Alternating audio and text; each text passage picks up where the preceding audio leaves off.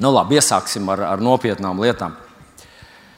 Zinat, prezidents Rūzvelts arī apmeklēja dievkalpojumu kādā draudzē, un vienu sestdienu draudzes kancelējā zvana telefons. Mācītājs paceļ, klauso, hallo! Kad dedzīga balss otrā galā saka, vai kā jūs domājat, vai prezidents šo svētdienu būs dievkalpojumā? Mācītājs saka, ziniet, ko es apsolīt, to nevaru. Bet es jums droši varu pateikt, ka Dievs gan parasti ierodās. Un es domāju, ka tas ir labs iemesls atnākt uz dievkalpojumu. Tāpēc es par to, par to Aleluja! Jā, slavu. Mēs jums sakām, brīnum notiek, un lūkšanas Dievs atbild.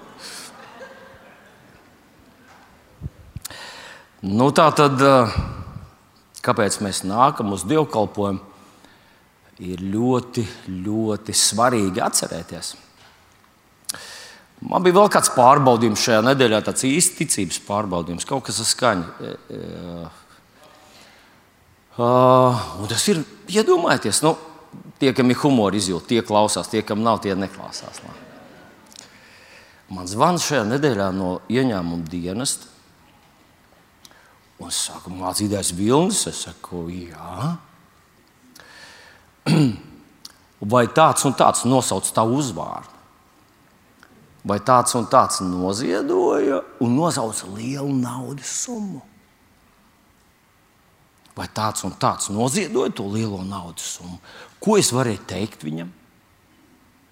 Es biju ticības vīrs un es teicu, viņi to izdarīs un ar prieku. Jo viņiem tur jāatzīmē pie sevis, vai ne? Jūs jau saprotat.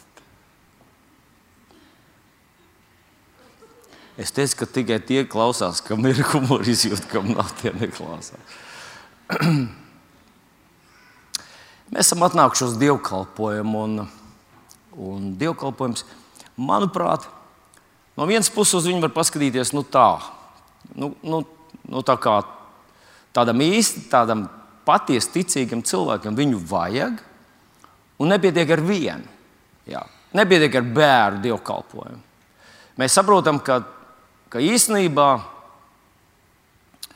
nu, kā lai pasakā, ja tu palasi Bībeli, tad varbūt pēdējās minūtes pirms nāves, varbūt neko citu nav jēgas darīt, kā būt dievkalpojumā. Bet, ja tu plāno vēl dzīvot, tad tas ir ārkārtīgi svarīgi, ka tava dzīve liecina, ka tu esi ar viņu, ka tu esi viņam uzticīgs, ka tu viņam uzticies, ka tu ar viņu sadarbojies, ka tu dari tās lietas, kas Dievam ir svarīgas. Un vispār jau uzticība jebkam piedod vērtību. Darbinieks, pieņemsim, mēs būtu ar tevi uzņēmēji, un mums ir darbinieks, kas gadiem ilgi mums pierādīs savu uzticību. Viņa akcijas mūsu acīs vajadzētu, viņām vajadzētu kāpt, vai ne? Nevis kristies. Un tieši tāpat tas ir arī attiecībās ar Dievu. Jēzus mācekļi pastāvēja ar, viņu, ar Jēzu kopā trīs ar pus gadu. Viņš saka, jūs esat pastāvējuši ar mani manos pārbaudījumos. Tie bija tiešām Jēzus pārbaudījumi. Un tad viņš runā par atalgojumu tam, ka vienkārši nu, tā grūti stādīties priekšā. Viņš runā par troņiem, par valstībām. Ziniet, tā pasaule, uz kuru mēs ejam. Un es nezinu, var jau būt, kad, kad tev ir 16, 17 gadi, tad tev liekas, tev nekādu nākšo pasauli nevajag. Kad tu drusku ilgāk padzīvo, tad tu saproti, ka šajā pasaulē ir ļoti daudz mīnus. Un tādā vienā tādā atklātā sarunā man bija jāsaka vienam cilvēkam, ka, nu, ka īstenībā tāda sajūta, ka šajā pasaulē nav nekā daudz, kas tā mani varētu patiešām iepriecināt. Viss kaut kā, kā ārpus skar to virsiņu, un, bet tur līdz sirdī neaiziet. Un līdz sirdī aiziet tikai rakstvietiņa, kur es gribēju atstāt visiem jūnija mēnesī dzimušiem, vai ir kāds, kas jūnija mēnesī ir piedzimis. Jā, Keita vai Keita, ah, es trāpīju vienreiz. Tās meitenes manās acīs tik līdzīgas, ka es viņas dažreiz jaucu, Jasmīnu un Keitu. Keita vai vēl kāds ir piedzimis jūnijā, pats līdz savus rociņus varbūt.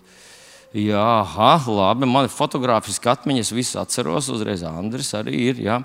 Nu, tā tad rakstvietiņa, kur es nu, saņēmu. Manuprāt, viņi ir tieši šajā kontekstā, kad mums visi saka, ka ziema, rudens būs šausmīgs vai dieniņš. Kurš nav piedzīvojis šausmīgu ziemu un pretīgu rudeni? Tas ir katru rudeni tāds ir. Nu, Katru rudeni sākās pelēkais, drēgnais, lietus un tā tālāk. Mēs sākam skumt, ka mēs nedzīvojam Spānijā kaut kur.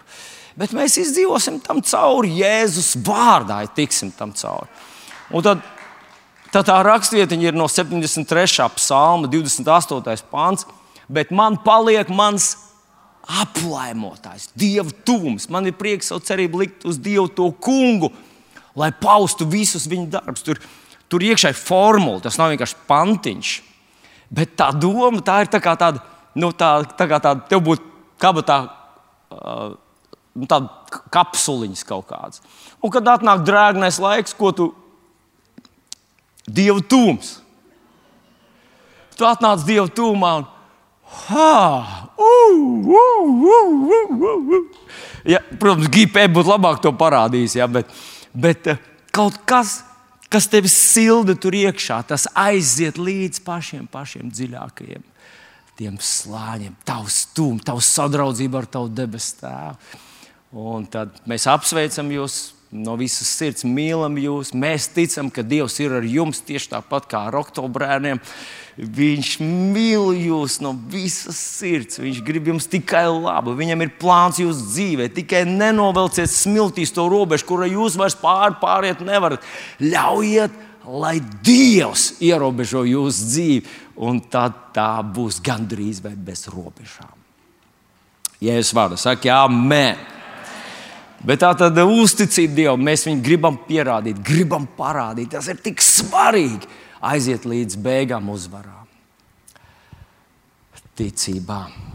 Šodien mēs iesāksim Romiešu vēstulītē 9. nodaļā. Un, ja kāds šodien uzklausīs šos citādos vasaras svētkus, šodien ir vasaras svētki, nu, tā kā mazliet savādāk, tad lūdzu paņemiet līdz šo psalmu. Man paliek mans aplaimotājs, Dieva tūms. Man ir prieks savu cerību likt uz Dievu to kungu. Liec, lūdzu, savu cerību uz Dievu to kungu, tad tu stāstīsi par viņa darbiem. Nu, tā tad šodien mums sanāks tā tāda mazliet tā kā tāda. Nu, tāda atklāta saruna, ja, kad lietas ir jānosauc vārdos. Nu, nu, tā es to saņēmu, un tā es gribu tev nodot. Mēs jau neesam vairs mazi bērniņi, tā trausli. Mēs jau esam pieredzējuši, nobrieduši divu bērnu. Un, ja kāds mūsu vidū ir tāds jauns, tad zini, mūsu briedums palīdzēs tev tikt cauri. Nekur nekas ar tevi nenotiks. Bet tātad mēs esam romiešu vēstulītē 9. nodaļā, un pirmais pāns ir tur, kur mēs iesāksim un lasām apstuļu Pāvila vārdus kurus viņš ir uzrakstījis svētajā garā. Un tas nozīmē, ka Dievs runā šos vārdus arī uz tevi un mani. Es lasu. Es runāju patiesību, Kristū, es nemeloju, arī mana sirdsapziņa to apliecina svētajā garā. Man ir lielas skumjas un nepārtrauktas sāpes sirdī.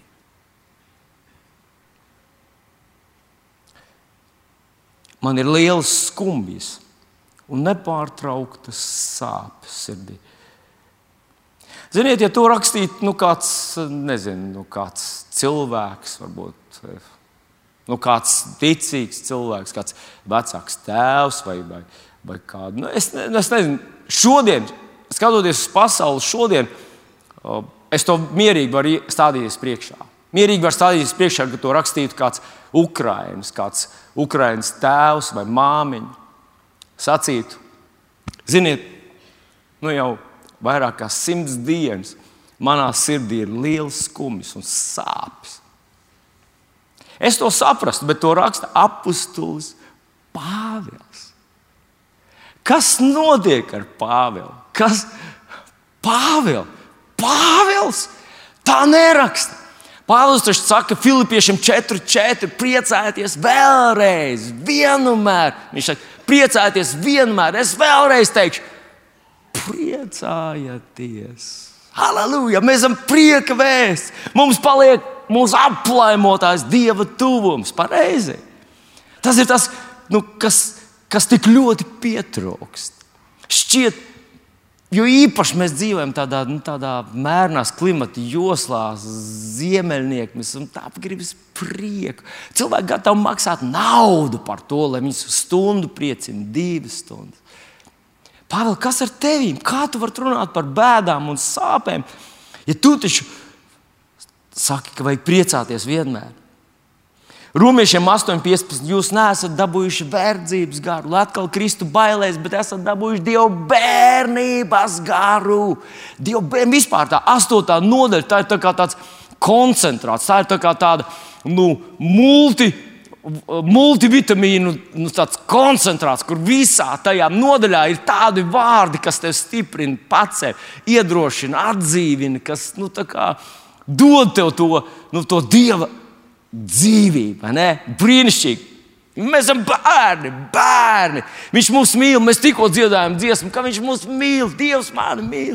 Dievs mani mīl. Uh, uh, uh, uh. Dievs no visas pasaules. Dievs mīl tieši mani.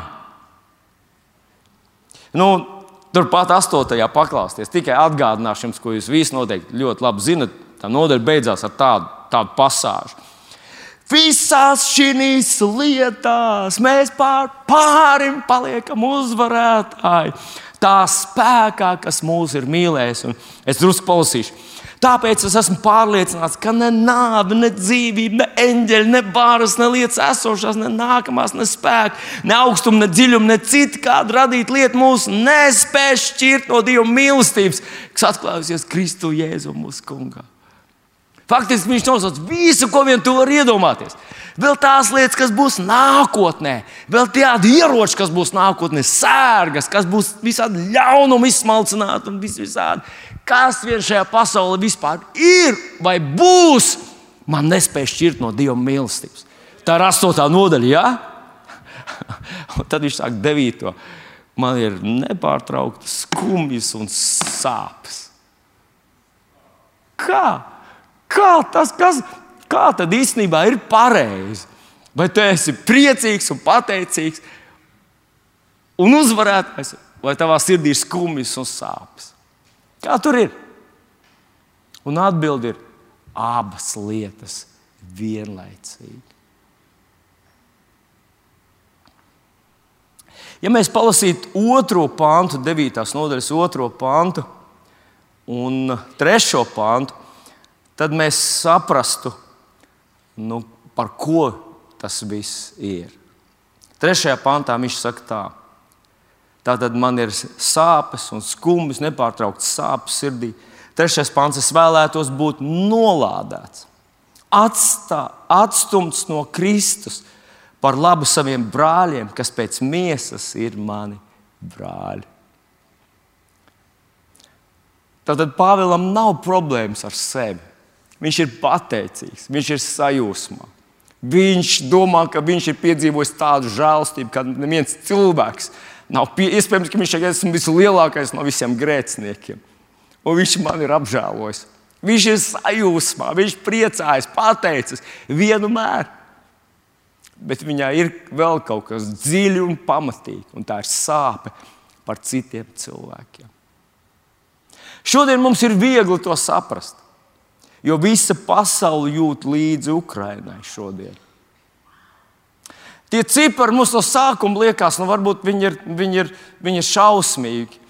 Kad mēs skatāmies uz kopējiem cipariem, viņi, protams, ir šausmīgi, bet kad, mēs, kad mums pietuvina no visas tās lielās ciparu masas, kad mums parāda vienu atsevišķu gadījumu, es domāju, ka viss mūsu acis kļūst mitrs un sirds saraujās.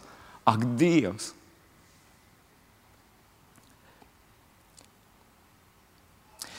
Droši vien, ka jūs zinat apmēram dažas, dažas statistikas cipars par Ukrajinu. Es tikai atgādināšu, lai mēģinātu mums mazliet saprast, salīdzinot Ukrajinu ar Latviju.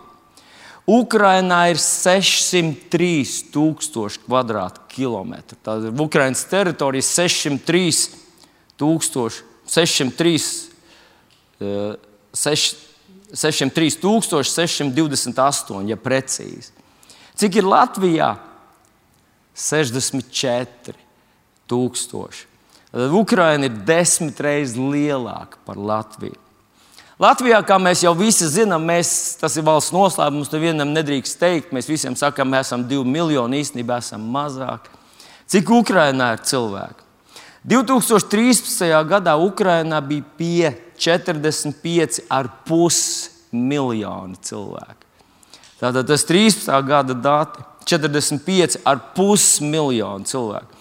Tātad cilvēku skaita ziņā, pēc maniem aprēķiniem, Ukraina ir 22 reizes lielāka par mums. Un tur ir izcēlies karš, sācies karš. Mēs neviens nespējam noticēt, ka tas tiešām ir iespējams, ka, ka, ka cilvēki, kas runā tavā valodā, cilvēki, kas pielūdz to pašu Dievu, kas cilvēki, kuriem ir kopēja vēstures, kaut kāda segmenta un kaut kāda posma, kopējas uzvaras, kaut kādas kopējas atmiņas, var iebrukt tavā zemē. Tā vienkārši ņemt un iebrukt un sākt šaut pa īstam, spridzināt, lādēt raķetes, tur izmantot visu to tehniku, moderno 21. gadsimta tehniku. 14 miljoni cilvēku ir pametuši savas mājas. 14 miljoni cilvēku. Tas ir kā septiņām Latvijām, nu, vairāk kā septiņām Latvijām pavēlēts visiem aizvākties prom no šīs zemes. Uz kaut kur citur, bāzties prom vienkārši. Ja negribat, lai jūs saspridzina, lai sašauj, nošauj, lai, Cilvēks vēsturē nav bijis nekad tik liela cilvēku masa, kas ir padzīta no savas zemes. Mēs zinām to lielo ebreju tautas iziešanu no Eģiptes zemes. Ja? Tad tur bija no viena līdz trim miljoniem cilvēku. Mēs domājam, ka tā ir vienkārši fantastiska, brīnumaina loģistikas operācija. Te ir 14 miljoni cilvēku. Tas nekad nav piedzīvots. Mēs zinām, bučas traģēdija, ka 412 ir atrasti mazs kapos, paslēpti un kopā bedrēs sarakti cilvēki. Bet mēs zinām, pēc pēdējiem datiem Mariupolē ir no 22 līdz pat 40 tūkstošiem vienkārši nogalināti um, civilie iedzīvotāji. Redziet, ja karavīru nošauj, par to vispār neviens vairs neiesprings. Tas ir kļuvis par tā kā, nu, tādu nu, leģitīmu, nu, nu kā tu esi karavīrs, tev ir šaujamais, tev var, var, nu, tev var šaut nost, ja, ja tu ne, nenošauj. Bet te ir runa par cilvēkiem, kuriem nav nekādu iespēju sev aizstā, aizsargāt. Cilvēki, kurus vienkārši brīžiem dzen kā avis mīnā laukos, šauj uz viņiem, spridzina. Vienkārši, vienkārši tā kā, tā kā zoodārzā sarīkot medības. Cil, dzīvniekam nav kur aizbēgt. Cilvēks saka, tas ir cietsirdīgi. Bet tur tas notiek atklāti. Visa pasaule to zina. Un neviens neko izdarīt nevar. Pasaule viņiem jūt līdzi. Cilvēki, kas ir ieslodzīti pagrabos, kaut kādos bedrēs, kaut kur sēž, vien paši sadzīti čupā, nevar nogulties, nav labierīcība, nav ēdiena, nav gaisa, nav gaismas. Un visu laiku tiek apdraudēti no raķetēm, kuras nekad nezina, uz kurien viņi lidos, kur trāpīs, kas tā par raķeti, kāda viņai spēja, kāda viņai tur visas tās parametri. Tas ir šausmīgi. Mums sāp sirds. Vēl vairāk mums iesāpās sirds, kad mēs redzam kādu sakropļotu, kādam, kam noraut kāja, noraut rokam, izdedzināts acis, vai kas ir nu, nezinu, kādā citā veidā pazemots, izvarots, vai, vai sāpināts, vai vienkārši cilvēks ir bijis nospiests dubļos un spīdzināts un, un pēc tam palaists. Mūsu sirds jūt līdzi, mēs jūtam sāpes, skumjas, bēdas. Mēs domājam, nu kā tā, ko mēs varam darīt? Un brīžiem mēs no tā izvairamies, jo tā sajūta, ka spēka ir, ka nav spēka vairs just līdzi. Un mēs zinām, brāļi māsas, ka mēs droši varam lūgt par Ukrajinu. Mēs zinām, ka Dievs ienīst rokas, kas izlaiž nevainīgas asins. Dievs nav pasīvs. Viņš neskatās no augšas, nu redzēs, kas vinnēs. Nē, viņš ir Ukraiņu pusē. Es ticu, ka viņš palīdz, ka viņš ir kopā ar tiem karavīriem, kas aizstāv savus ģimenes, ka tas ir Dieva prāts, ka viņi aizstāv. Es uzskatu, ka patriotisms ir Dieva iedibināta, dievišķa ideja. Nav gudri cilvēkam vienkārši mukt prom, pamest visus citus, kā tik izglābis savu vārdu. Kad mēs lasām uh, 5. mūža grāmata, 28. nodaļa tad tur starp lāsta lietām ir viens no lāstiem, ir tāds, ka tavus bērnus paņems svešinieki, aizvedīs, bet tev spēka nebūs, lai viņus aizstāvētu. Tā kā lai cīnītos par saviem bērniem, tas ir Dieva dots spēks, tā ir svētība un nevis lāsts. Un es tiešām, protams, neesmu eksperts un nevaru atbildēt par katru situāciju un neņemos vispār to darīt. Es vienkārši balstoties uz tā, ko Bībele saka, redzu, ka Dievs ir par upuriem. Dievs ir upuru pusē. Un es absolūti ticu, ka visi šodien tic, ka ir Dievs. Un ka beigu beigās viņš sauks pie atbildības Putinu, pat ja viņš nomirs no vēža vai no kā cita, ka vienā dienā viņš stāvēs Dieva troņa priekšā. Un tā nebūs tikai parunāšana. Acīm redzot, Dievam būs līdzekļi, kā sodīt šo pasaules lielo noziedznieku par neskaitāmām cilvēku dzīvībām, un pušu, meiteņu, civiliedzīvotāju dzīvībām. Bet man šodien gribas vēl pieminēt arī tos puikas, kas ir bijuši spiest uzvilkt um, formu, jā, paņemt ieroči, kas, kas varbūt bija labi IT speciālisti, varbūt labi inženieri, varbūt labi tehniķi, varbūt, varbūt vienkārši mūziķi bija, varbūt vienkārši bija labi tēvi uh, savā ģimenēs. Nu, viņiem ir jāstāv tur, viņiem ir jānogalina, jāizmanto katru iespēju, lai nogalinātu to iebrucēju. Citādi viņš nogalinās viņu. Un kad viņi mirst, es dzirdēju, ka Ukraiņa ir tuvu pie miljonu, tuvu, nu, tur mazāk kā miljons Bet šādu pušu, jaunu vīriešu ir iesaukt armijā, kuriem tur ir jābūt. Viņiem nav izvēles. Viņi vienkārši tur ir, lai izglābtu savas dzīvības un cīnītos par savām ģimenēm un savu tautu. Viņu dzīvības, vai viņas ir mazāk vērtas, vai viņas ir nesvarīgas. Citiem vārdiem, mēs šodien jūtam līdzi cilvēkiem. Mēs saprotam, kas ir bēdas un skumjas. Un mēs zinām, ka tas ir bērns, kas to dara.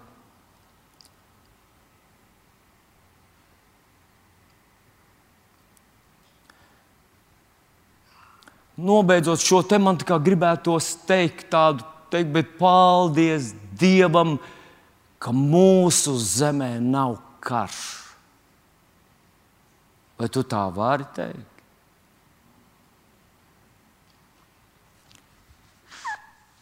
No vienas puses, protams, tas ir tieši tā, kā es saku.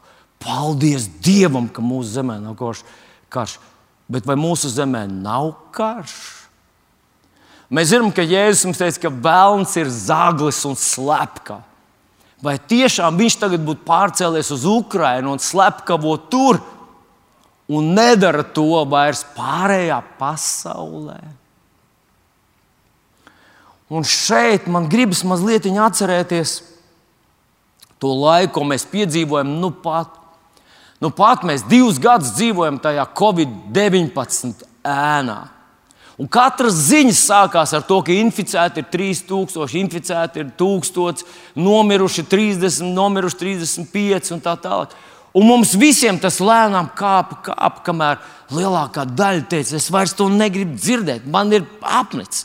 Beidziet tur indēt mums dzīvi ar tām saviem statistikas cipariem. Un iespējams, ka mēs uzelpojam, tad, kad mums vairs ziņas nesākās ar to, cik daudz ir to covid saslimušo un covid nomirušo. Bet patiesībā šī Covid situācija tikai atklāja vai padarīja redzamu to, kas notiek diskrēti un slepeni. Vēl aizvien katru dienu cilvēki saslimst. Un, zinot, es to salīdzināju ar raķetēm, bumbām, mīnām, ar lādiņiem, ar, ar kaut kādiem triecienu helikopteriem, kas ir paslēpti, kas ir diskrēti, kas vēl aizvien šauj un nogalina, bet dara to tik klusu un tik nemanām, ka vispār šīs fiziskās būves netiek aizskarts. It kā neviens neredz un neviens nedzird, bet cilvēki iet bojā nepārtraukti. Īsnībā mēs ar jums dzīvojam tāda paša kara apstākļos, kurš ir tikpat pospo, postošs un tikpat nāvējošs, tikai diskrēts. Iespējams, ka mēs to ikdienā palaidām garām, bet ja nu, ja nu, ja nu mūsu statistika pēkšņi mums sāktu teikt, Ja nu tas nebūtu beidzies un mums, mums informētu par cilvēkiem, ir, kuriem ir trāpījušas vēža raķetes, trāpījušas mīnas, kas izšauta un trāpīja tur sirdslimību mīnas, visādu, visādu imūno slimību raķetes, kas diskrēti, neredzam, nedzirdam, vienkārši sprākst Un cilvēki nemaz nenojauš, ka viņam ir trāpīts. Viņš iet vēl dzīvo un domā, ka ar viņu viss ir kārtībā. Tikai vienā dienā izrādās, ka tas process jau ir palaists kādu laiciņu atpakaļ, un cilvēks aiziet no šīs pasaules. Pavisam nesen es to piedzīvoju tur, tajā apvidū, kur es dzīvoju. Tādu, kādam kaimiņam tur bija tāda, tāda no cilvēka ģimenes locekļa. Tad viņi redzēja, viņi staigāja turp un atpakaļ, un mēs ziemā kopā tīrījām sniegu. Un tad viņa vairs nav. Un es jautāju, kur tad, kur tad palicis eh, tēvs? Ah, tēvs jau nomira, jau ziemas vidū jau nomira. Kā tā nomira? Un, un mamma, viņa arī, jūs redzat, siltumnīca, viņa uzbūvēja, viņa tur siltumnīcā, viņa siltumnīca sagrūva, viņa pat arī aizgāja uzreiz pēc tam. Cilvēki aiziet. Mēs to neredzam. Mēs nepamanām to.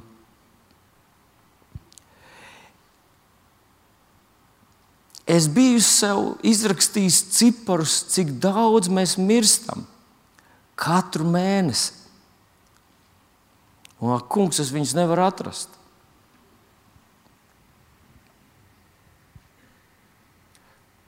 Vienu, ko es piefiksēju, kādu interesantu lietu. Pēdējās bērēs, pēdējās divās bērēs, kuras man vajadzēja izvadīt, Tad, kad tur parasti atbrauc tie, nu, kas ir tie cilvēki, kas strādā tur kapos, kas ir ļoti svarīgs un, manuprāt, ir ļoti vajadzīgs nu, pakalpojums, Agrāk tie bija cilvēki, kas ir tādi, nu, tā tādi nu, nu, nu, kā, lai, kā lai to pasakā, tā piesardzīgi un pieklājīgi. Un tie bija cilvēki, kur varēja nu, mazliet ost pēc degvīna, vai, vai redzēt, ka viņš ir nodzīvojis vētrainu dzīvi, un tagad ir atlikuši tikai nu, tādas mazas paliekas no tās dzīves. Un tie cilvēki tur nu, darīja to darbiņu. Pēdējās reizēs skatījos, ka tie bija Mercedes busi, kas piebrauc. Jauni cilvēki, tādi strami, svaigi, jaunieši. Mēs varētu domāt, ka tie ir nu, visa dzīve viņiem ir priekšā. Viņi cilā to zārku iekšā, ārā, tur bērni visu to dara.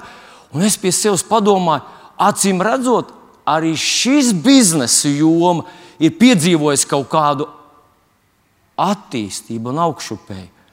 Un es to nevaru izskaidrot nekā savādāk, kā vienīgi acīm redzot, ir ko glabāt, ir ko vest, ir kas pasūta šīs lietas.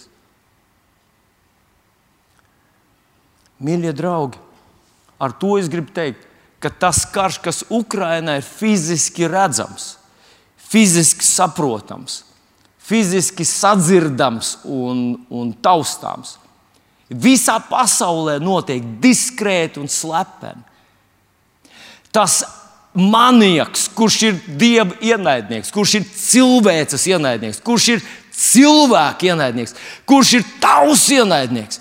Staigā apkārt pa pasauli, meklē, ko tas varētu aprīt. Un, ja viņš kādu atrod, ko var aprīt, tad viņš to rīj. Un nesakiet man, ka tie ir tikai cilvēki pēc 80 gadiem. Mēs ik pa laikam redzam, ka tie ir jauni, populāri, bagāti, skaisti uh, cilvēki, kurus visi varbūt apskauž. Vienā dienā viņi ir prom, viņiem trāpīja, viņiem iešāva, pārnestā nozīmē, un viņi aizgāja. Bet es iedomājos, ja Ukrainā Tu cilvēkiem teikt, sagatavojieties, jo neviens nezina, no kuras stūra, kad nokritīs kaut kāds lādiņš, ko kaut kur tur varbūt, varbūt ierēbuši artērijas, palaid to raķeti. Viņi var nokrist šeit, var nokrist tur. Mēs nekad to nezinām, var bez brīdinājuma tas notikt.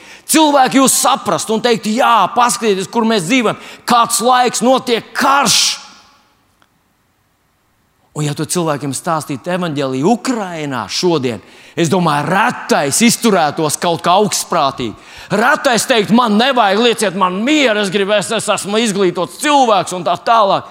Es domāju, lielākā daļa ir paskatījušies uz debesīm un cer, ka vispirms Dievs ir, ka tiesa būs un ka Dieva roka var pasargāt. Iespējams, ka Ukrajinā šodien, nu, dien, ir cilvēki, kas nemitīgi piesauc Dievu, jo lielā mērā uz ko cits, uz ko paļauties nav. Bet šeit, ja mēs šeit kādam stāstītu par evanģēlīju vēstu, un mēs cenšamies to darīt cilvēkiem, neskapēc liekas, ka karš ir tur, šeit mēs dzīvojam tādā salīdzinošā. Viss būs labi, viss ir forši, viss ir skaisti. Vai tas tā tiešām ir? Un tas ir tas, kas sāp Pāvils sirdī. Tas ir tas, kas sāp Pāvils sirdī. Ja tas sāp Pāvils sirdī, vai tam vajadzētu sāpēt manā sirdī, vai tam vajadzētu sāpēt tavā sirdī? Varbūt, ja tu un es skatāmies apkārt, mēs redzam labas mašīnas, labi ģērbtus cilvēkus, kas dodas, kas grib kaut ko nopirkt, paspēt, kas grib kaut ko vēl izdarīt, grib uzcelt gaļu, grib aizbraukt tālu, grib nokļūt tur, grib uztaisīt karjeru. Un tu apzinājies, ka viņiem nevienam nav dota rītdiena. Arī tev un man nav apsolīta rītdiena. Varbūt tad tas drusku saraujās tur iekšā. Un tu saproti, ka interesanti, ja es teicu, ja tava acis tev apgrēcina, met to izrauj ārā un met to prom, ir labāk ar vienu aci iet dzīvībā, nekā ka tu ar divām acīm noej ellē. To pašu viņš saka par roku un par kāju. Un es saprotu, viņš īstenībā ne, nu, tas nav tas, ko, uz ko viņš mudina. Tas nav tas, kas ko viņš saka, kā mums vajadzētu rīkoties. Tā nav Jēzus nodoms. Bet viņš saka, ka daudz labāk, daudz labāk ir nodzīvot dzīvi ar kaut kādiem smagiem ierobežojumiem, nekā nonākt mūžīgā pazušanā. Tā kā no vienas puses mēs sakām, paldies Dievam, pie mums nekrīt raķetes, nekrīt lādiņi, mums nesvilp lodes, nav iebrucēji un desants un helikopteri, kas ir mūsu galvām, kas mums apdraud. Bet no otras puses, cik daudz cilvēku ar abām acīm, ar abām, acī, au, abām rokām, abām kājām aiziet pazušanā. Un nevienam par to sirds nesāp. Vai man un tev vajadzētu nest šo sāpes mūsu sirdīs? Ziniet, kad es lasu apakstu Pāvila vārdus tajā trešajā pantā, romiešiem 9.3. Mm, Viņš saka, es vēlētos būt nolādēts, atstumts no Kristus par labu saviem brāļiem, kas ir pēc miesas man brāļi. Viņš runā par ebreju tautu. Ebreju tautas pārstāvji bija tie, kas viņu vajāja konkrēti un regulāri un gribēja viņu nogalināt. Bija zvērējuši vairākas grupiņas, bija tādas, kas bija zvērējuši. Mēs neēdīsim, kamēr nenogalināsim to Pāvilu. Un Pāvils sirdī ir tāda liela sāpe un mīlestība pret ebreju tautu. Bet ievēro, viņš tur runā kategorijās, kas mums vispār liekas nesaprotamas. Es esmu gatavs iet pazušanā viņu dēļ. Es esmu gatavs būt nolādēts, lai viņi tiktu svētīti. Cilvēks to nevar izdarīt.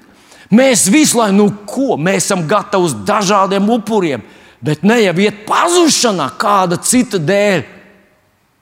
Vienīgais, kurš to reāli izdarīja un kurš to ir spējīgs izdarīt, tas ir Kungs Jēzus Kristus. Tika nolādēts, tika atšķirts no Dieva, lai tu un es mēs tiktu pieņemti. Un es to tikai tādā veidā skaidroju, ka apelsīns Pāvils to bija paņēmis no Kristus. Viņam sāp, viņam ir bēdas, Jēzum ir bēdas par cilvēkiem. Vai manā sirdī tas ir? Es esmu tik pateicīgs, ka esmu glābts. Dievs, tu man svētīs, palīdzēs man vārdiem, man, man te visi tādi plāni šajā vasarai. Tas ir pareizi. Arī Pāvēlam bija pateicība un prieks. Bet kā ir ar tām skumjām, un bēdām un sāpēm par citiem? Un tagad padomā, mans mīļais brāl, māsas, drusku padomā līdz ar maniem. Iedomājieties, ka tu sastapi kādu sev labi pazīstamu cilvēku, un viņš tev stāstītu, ka esmu pazaudējis savus trīs bērnus šajā vasarā. Un viņš stāstīja, tur notika tas tā, un notika šādi, un notika vēl kaut kā. Un tagad mans ceturtais bērns arī iet pa to pašu ceļu. Man ir šausmīgs sāpes. Kas notika tavā sirdī? Vai tavā sirdī neielīt kaut kāda līdzjūtība, kaut kāda tāda, ziniet, kaut kas tāds, ko es varu izdarīt, ko es varu palīdzēt, lai, lai, lai tas tā nenotiek? Esmu drošs, ka tā notiktu. Es esmu drošs, ja te atnāk kāda Ukraiņas māte, Ukraiņas tēvs un pastāstīt par saviem pazaudējis ģimeni. Varbūt pazaudējis tur raķetu trāpīja mūsu mājā, es biju izgājis ārā, mājas lupatās. Manēji visi ir miruši. Mūsos kaut kas notiktu. Bet es domāju, ka tieši tāpat tu varētu sastapt Dievu. Iedomājieties, ka tu sastaptu Dievu. Un viņš būtu priecīgs par tevi. Viņš teikt, es tevi ļoti mīlu. Bet, zini, man ir vēl bērni, un man sirds sāp par viņiem. Viņi iet taisnā ceļā, prom uz pazušanu. Es domāju, Pāvils bija sastaps šo jēzu, sastaps Dievu tādā sarunā. Un kaut kas iekrita viņa sirdī. Viņš ir tēvs. Es arī gribu paņemt šo sāpju un šīs skumjas. Kā tās motivē? Kā tās liek tev kaut ko darīt, celties?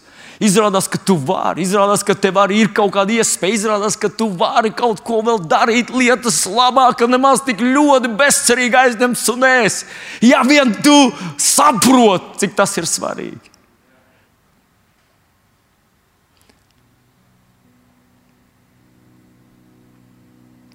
Es šodien gribētu, lai mēs ar tevi sastaptu šo Dievu, sastaptu šo Tēvu kuram sāp sirds. Interesanti, ka tu lasi tālāk, tu saproti Pāvila vārdus, tad viņš saka, Izrēlieši, kam bēr, pieder bērnu tiesa, apsolījumi, dievkalpojumi, tēvi, no kuriem pats Kristus cēlies pēc miesas. Tu varētu teikt, inteliģenti cilvēki, kas pa lietu. Bet Jēzu viņi ir atraidījuši. Ir daudz gudru, skaistu cilvēku. Varbūt tavi radinieki, jauki, talantīgi. Viņiem viss ir labi, viņi ir skaisti, veseli. Viņiem, nu, nu, dzīvē viss ir ok. Bet, ja viņi atraidījuši Jēzu, Pāvils sirdī ir sāpes un skumjas. Tavā un manā sirdī, kas tur ir? Kungs, es gribētu, lai tu ieliec to mūsu sirdīs. Palīdz mums sastapt tevi, palīdz mums ieraudzīt tevi, cik ļoti tev sāp tie cilvēki. Ko tad mums darīt ar to? Ko darīt Pāvilam ar to sāpju un skumjām? Ko darīt mums ar tevi, kad mūsu sirdīs mēs redzam savus draugus, paziņas, darba biedrus, mēs redzam savus līdzcilvēkus, kas neapzinās, ka pasaulē notiek karš. Jēzus mums teica, apelsīns Pāvils mums raksta Eviziešiem sastajā, apbruņoties ar visiem dievu ieročiem, jo apkārt notiek nemitīgi kara draudi. Draud. Šīs bultas, šie mēri, šīs sērgas, kas pusdienā lien, Velns neguļ un nesnauž, viņš nebrauc atvaļinājumā, neatgriezīsies tikai oktobrī. Nē, viņš ir te visu laiku mums būtībā ir visu laiku jāstaigā tajā. Ko tad mums ar to visu darīt? Un šeit ir tas pāns. Apstākļu darbu 1,8. Bet jūs dabūsiet spēku, kad svētais gars būs nācis par jums. Tas nav tā, ka tev jā, jāmokās nabadzīņam. Nē, bet tas ir tu izjūtot šo dieva mīlestību un dieva rūpību, ka tu lieto šo dieva spēku. Lai tu būtu par liecinieku, bet tu dabūsi spēku. Kāpēc spēku? Tāpēc, ka spēks ir vajadzīgs. Acīm redzot, bez spēka nevar. Acīm redzot, lai izrautu to cilvēku no vēlnu nagiem, lai viņi izglābtu no tiem lādiņiem, no, no visas tās, tās nāves arsenāli, kas nedzirdam un nemanām lido pa pasauli. Mums vajadzīgs Dieva spēks, un Jēzus vārdā mēs ejam pie cilvēkiem ne ar skumju vēst, ka viņi iet uz zemi, mēs ejam pie viņiem ar Dieva mīlestības spēka vēst. Un ik pa laikam, ik pa laikam, ik pa laikam, tu sastapsies, ka viens un otrs Tu viņam teici, un nekas nenotiek, bet gadīsies viens, kuram trāpīs. Un teiks, Dievs, ko es pareizi izdarīju, ka viņam trāpīja. Nē, viņš saka, viņš pareizi izdarīja. Viņš sajūta, pieņēma un atvērās šim Dieva spēkam, Dieva evaņģēliem. Atcerieties, pie Jēzus atnāca tā atraitne, asinsardzīga atraitne. Un tad tie mācekļi saka, kungs, viss tev spiežās virsū, viss tev čam, nekas nenotiek ar viņiem. Un tad pieskārās. Pš! un viņas aiziet, viņas, viņas sērga aiziet.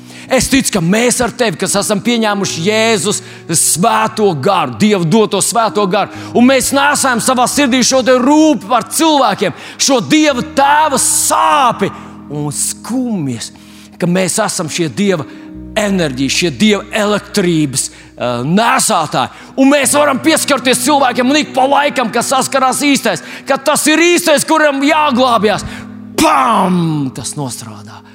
Un aiziet sērga, aiziet nespēks, aiziet cilvēkam atverās acis un viņš ieraudzīja. Jā, paldies tev, kungs.